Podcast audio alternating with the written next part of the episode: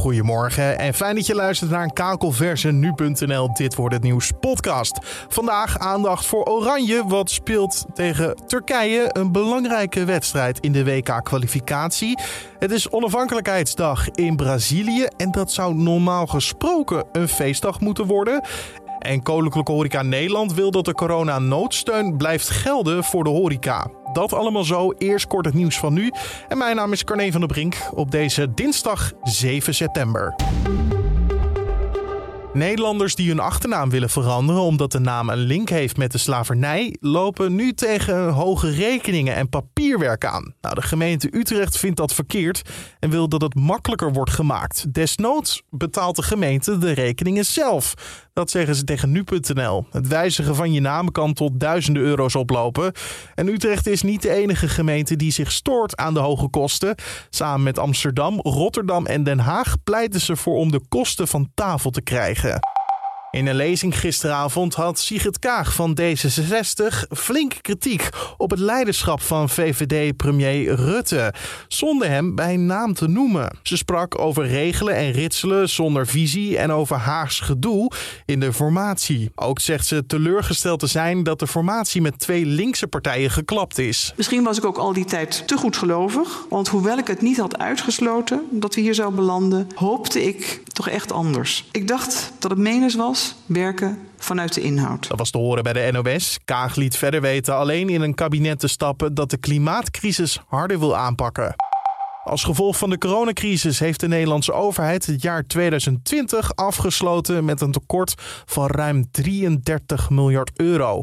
Het jaar ervoor hadden we juist nog een overschot van 14 miljard, dat meldt het CBS. De overheid was vooral veel kwijt aan de noodsteunpakketten. Andere corona-gerelateerde uitgaven kwamen bij de zorg terecht, zoals de eenmalige bonus voor medewerkers. En daarnaast haalde de overheid voor het eerst sinds 2009 minder geld binnen dan het jaar ervoor. Syrische vluchtelingen lopen volgens Amnesty gevaar bij terugkeer. Zo lopen ze het risico op verkrachting, marteling en verdwijning. In een nieuw rapport schrijft Amnesty International dat tientallen terugkerende vluchtelingen de afgelopen jaren hier slachtoffer van zijn geworden. En Amnesty roept nu Europese landen op om Syrische vluchtelingen niet terug te sturen, ook al wordt er niet meer over aan het land gevochten. Volgens de mensenrechtenorganisatie is het land niet veilig en zeker niet voor terugkerende vluchtelingen. En dan kijken we naar de dag van vandaag, oftewel dit wordt het nieuws. Oranje speelt vanavond tegen de Turken in een belangrijke WK-kwalificatieduel. Turkije heeft momenteel één punt meer in de pool en staat daarmee op de eerste plaats. En bij winst is Oranje dus het groepshoofd. Een belangrijke plek, vertelt voetbalverslaggever Riepke Bakker. Omdat de eerste plek de enige plek is die rechtstreeks... Uh uh, ja, recht geeft op een direct ticket voor het WK. Het is nou eenmaal heel moeilijk om het WK te halen, omdat er maar 13 Europese landen aan mee mogen doen. Bij het EK zijn dat 24 Europese landen. Dus ja, die strijd is, uh, is heviger. En als je geen eerste wordt, maar tweede, ja, dan kom je in de play-offs en dan ga je met 12 uh, eh, landen strijden om vier tickets voor het WK. Dus ja, dat is wel een hele lastige play-off om het dan alsnog te halen. Dus van levensbelang dat we eerste worden. En heeft Van Gaal daarvoor een magische ja, bereidingswijze, om het zo maar even te zeggen, om deze keer wel van de Turken te winnen? Want ja, de vorige keer verloren we toch echt met 4-2. Ja, nou, er is wel een hoop gebeurd. Ik wil even een quizvraag stellen. Uh, wie stonden er die wedstrijd achterin en op doel bij het Nederlands elftal? Noem ze maar even. Nou, Stekelenburg op doel? Nee. En je gaat nou oh, nou, ja, ik ga, ik ga nu al. nee, om even te laten zien, hè, dat was onder Frank de Boer. Toen stond Krul op doel. Rechtsback Kenny Teten, uh, Daley Blind, Matthijs de Licht en Owen Wijndal.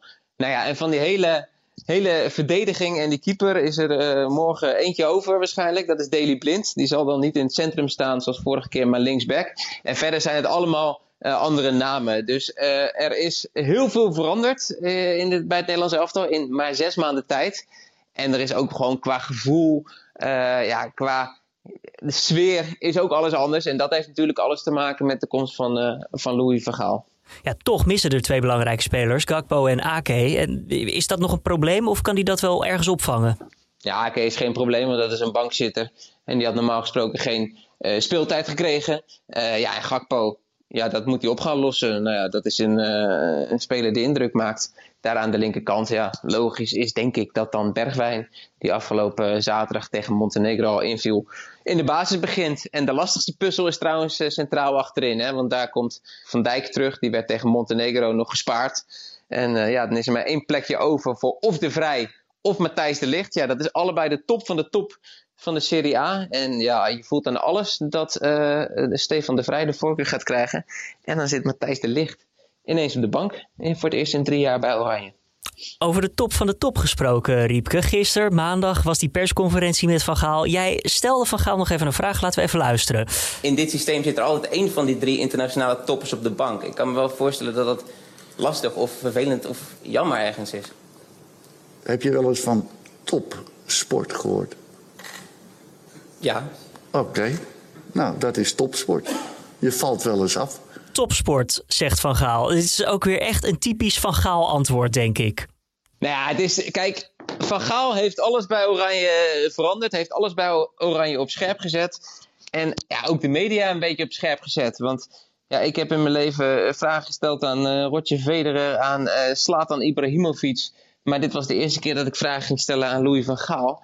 En uh, ja, dat is toch anders. Kijk, het is, het is enerzijds een soort uh, cabaret bijna, die, die persconferenties van, uh, van Louis van Gaal. Hij doet het er een beetje om, toch? Nee, hij, hij geniet ervan. Hij geniet hiervan. Hij geniet van de aandacht. Hij vindt het ontzettend leuk. Hij doet het allemaal met een knipoog. Durft de confrontatie aan te gaan. Kijk, ik kwam nog gewoon redelijk goed weg. Maar bij Valentijn Driessen begon hij een verhaal van... jij hebt geen verstand van voetbal. Um, dus ja, er gebeurt heel veel bij het Nederlands elftal. En ja, ik wilde eigenlijk een vraag stellen over hoe, hoe moeilijk het eigenlijk is. Want je moet een van je beste spelers op de bank zetten. En Matthijs de Ligt. Uh, terwijl wij allemaal ook de, het vak is van een coach... om altijd de beste spelers op te stellen... Um, dus iemand is eigenlijk slachtoffer nu van het 4-3-3 systeem. Ja, dat kwam allemaal niet heel lekker uit de verf. Het werd niet allemaal een hele leuke uh, conversatie. Maar zoals je zegt, hij geniet er wel meer van dan andere keren, dan voorheen. Dan bij Manchester United of de, de eerdere keren dat hij bondscoach was. Ja, hij is uh, financieel onafhankelijk. Hij is 70 jaar. Hij doet dit echt omdat hij het enerzijds nodig vindt en het anderzijds heel leuk vindt. En het hele land vindt het leuk. Want ik weet niet of je het NOS-interview hebt gezien van, uh, van afgelopen zaterdag. Na de, na de wedstrijd tegen Montenegro. Daar wordt hij toegezongen door, het, door, door de mensen die eromheen staan. Louis van Gaal, Louis van Gaal. En dan maand van Gaal ze nog even tot, tot stilte. Want dan kan het interview beginnen. Maar ja, een bondscoach. Ja, die wordt toegezongen. Uh, het is de eerste bondscoach sinds, uh, sinds Louis van Gaal, de vorige periode denk ik, toen hij brons haalde op het WK, dat er een bondscoach wordt toegezongen. Want ja, bij Frank de Boer en, uh, en Danny Blind de afgelopen jaren, nou, er waren geen liedjes, maar als er liedjes waren, dan zouden het hele andere liedjes zijn geweest. Voetbalverslaggever Riepke Bakker was dat in gesprek met collega Julien Dom. Brazilië viert vandaag de onafhankelijkheidsdag. Dat zou een feestelijke dag moeten worden, maar er worden rellen verwacht. Linkse groeperingen zeggen te zullen demonstreren tegen de huidige president Bolsonaro. Tegelijkertijd houden aanhangers van Bolsonaro tegen demonstraties. Weinig redenen dus tot feesten, ook gezien Bolsonaro's houding. Je hoort Latijns-Amerika-correspondent Marion van Rooij in gesprek met collega Julien Dom. Ja, hij gijzelt de feestdag voor zijn eigen eer en glorie. Uh, parades gaan niet door, vlaggen uh, mogen niet doorgaan. Alleen die, de parades moeten nu gehouden worden door zijn aanhangers, die massaal de straat op moeten van hem om een staatsgreep te eisen met Bolsonaro als dictator. Daar komt het op neer. Uh, ze, ze, moeten tegen het congres zijn, hij is tegen het congres, en tegen het Hoge Rechtshof, want hij wil de rechters daar laten afzetten. wat, er, wat er onder andere gaat gebeuren, is dat gewapende agenten gaan meedemonstreren. Nou, dat is hartstikke verboden bij de grondwet. Uh, tegendemonstraties doen ze maar niet, want het, het, wordt hartstikke gevaarlijk met al die wapens op straat. Want ook zijn eigen uh, aanhangers, die worden min of meer gevraagd om gewapend te komen. En um, ja, dat is, een, dit is niet echt inderdaad niet een feestelijk klimaat uh, wat er morgen zal zijn. En het is ook niet de eerste keer dat president Bolsonaro zo'n uithaal maakt, toch? Nee, nee. Het, het, is wel de eerste keer dat hij het zo massaal organiseert. Maar hij heeft het bijvoorbeeld eerder ook al geprobeerd Ehm, hij heeft het altijd maar tegen het Hoge Rechtshof en altijd maar tegen het congres, hè, de twee democratische instituties, had hij de luchtmacht opgeroepen om uh, zo, met, met vliegtuigen zo laag over het congres en over het, het uh, Hoge Rechtshof te vliegen. Door de geluidsbarrière. Dat alle ramen zouden, uh, kapot zouden gaan. Nou, toen heeft de luchtmacht dat geweigerd. sterker nog, alle bazen van de, van de chef-stafs van het leger en de luchtmacht zijn opgestapt. Maar daar heeft hij inmiddels nieuwe mensen neergezet. Die wel aanhangers zijn van hem. Dus het is heel erg kijken. Ja, adem inhouden. Wat gaat er morgen gebeuren? Gaan die vliegtuigen de ruiten eruit laten springen? Eerder ook al heeft hij voor het eerst sinds de, uh, het einde van de militaire dictatuur tanks door de straten ge gestuurd in de hoofdstad Brasilia. Ja, wat gaat hij nu doen? Hoe gaat dat aflopen? Niemand weet het. Nou, over een jaar zijn er verkiezingen in Brazilië, presidentsverkiezingen. Is dit een beetje zijn laatste poging om ja, te laten zien dat hij aan de macht moet blijven dan? Ja, ja. Kijk, hij staat behoorlijk met zijn rug tegen de muur. Um, meer dan een half miljoen uh, uh, doden uh, door, de, door zijn COVID-beleid. Dus zijn non-beleid op COVID. economisch ligt Brazilië op zijn gat. de populariteit van Bolsonaro schiet omlaag. Hij, hij, heeft eigenlijk niks meer.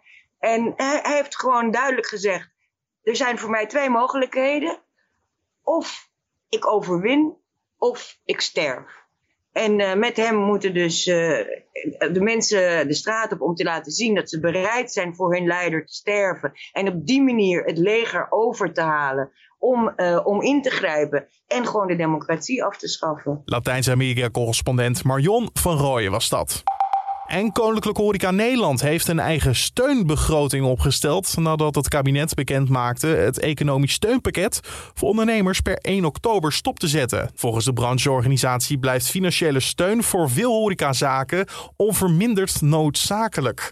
De angst bestaat dat zaken kopje ondergaan als ondernemers niet meer kunnen rekenen op die steun. De eigen steunbegroting zullen ze vandaag aan verschillende Kamerleden overhandigen. Dan over naar het weer van vandaag. Je wordt weer helemaal bijgepraat door Wilfred Jansen van Weerplaza. We beginnen de dag met name in open gebieden aan de frisse kant met temperaturen beneden 10 graden. En met name in het noorden van het land is de komende uren ook nog kans op nevel of wat mistbanken. De loop van de dag schijnt op de meeste plaatsen de zon volop. Op veel plaatsen komen later vandaag wel dunne sluierwolken voor. In het uiterste noorden van het land kan bewolking af en toe net eventjes wat dikker zijn. Temperaturen zijn ronduit aangenaam te noemen met 22 tot 24 graden in het noorden van het land. En op, heel veel plaatsen in het oosten, zuiden en midden van het land wordt het 25 tot lokaal zelfs 27 graden. Niet al te veel wind daarbij, zwak tot matig uit het oosten, windkracht 1 tot 3. Ook vanavond blijft het nog lang aangenaam warm, met name landinwaarts. Maar als de zon eenmaal onder is, dan koelt het onder de heldere hemel vrij snel af. Dankjewel Wilfred Jansen van Weerplaza. En om af te sluiten nog even dit. Een studentenkamer werd tijdens de coronapandemie nog populairder. In het vorige schooljaar gingen meer studenten namelijk op zichzelf wonen dan in de jaren daarvoor. Ook begonnen meer jongeren aan een studie. Dat blijkt allemaal uit cijfers van het CBS. Met name Amsterdam en Utrecht waren in trek. Een oorzaak van de hoge toestroom aan studenten is het hoge slagingspercentage onder VWO-leerlingen. Dat vorig jaar op bijna 100% lag. Onder de studenten kozen velen ervoor om gelijk door te gaan met studeren in plaats van het nemen van een tussenjaar. En dan zijn we aan het einde gekomen van deze Dit wordt de nieuws podcast voor de dinsdag 7 september. Niet voordat ik je nog even heb gezegd dat je je natuurlijk gratis kan abonneren op deze podcast in je favoriete podcast app. Spotify, Apple Podcast, Google Podcast. En uh, je is natuurlijk elke ochtend rond 6 uur te vinden op de voorpagina van nu.nl. Heb je feedback voor ons? Stuur dan een mailtje naar podcast.nu.nl, podcast.nu.nl of laat een recensie bij Apple Podcast.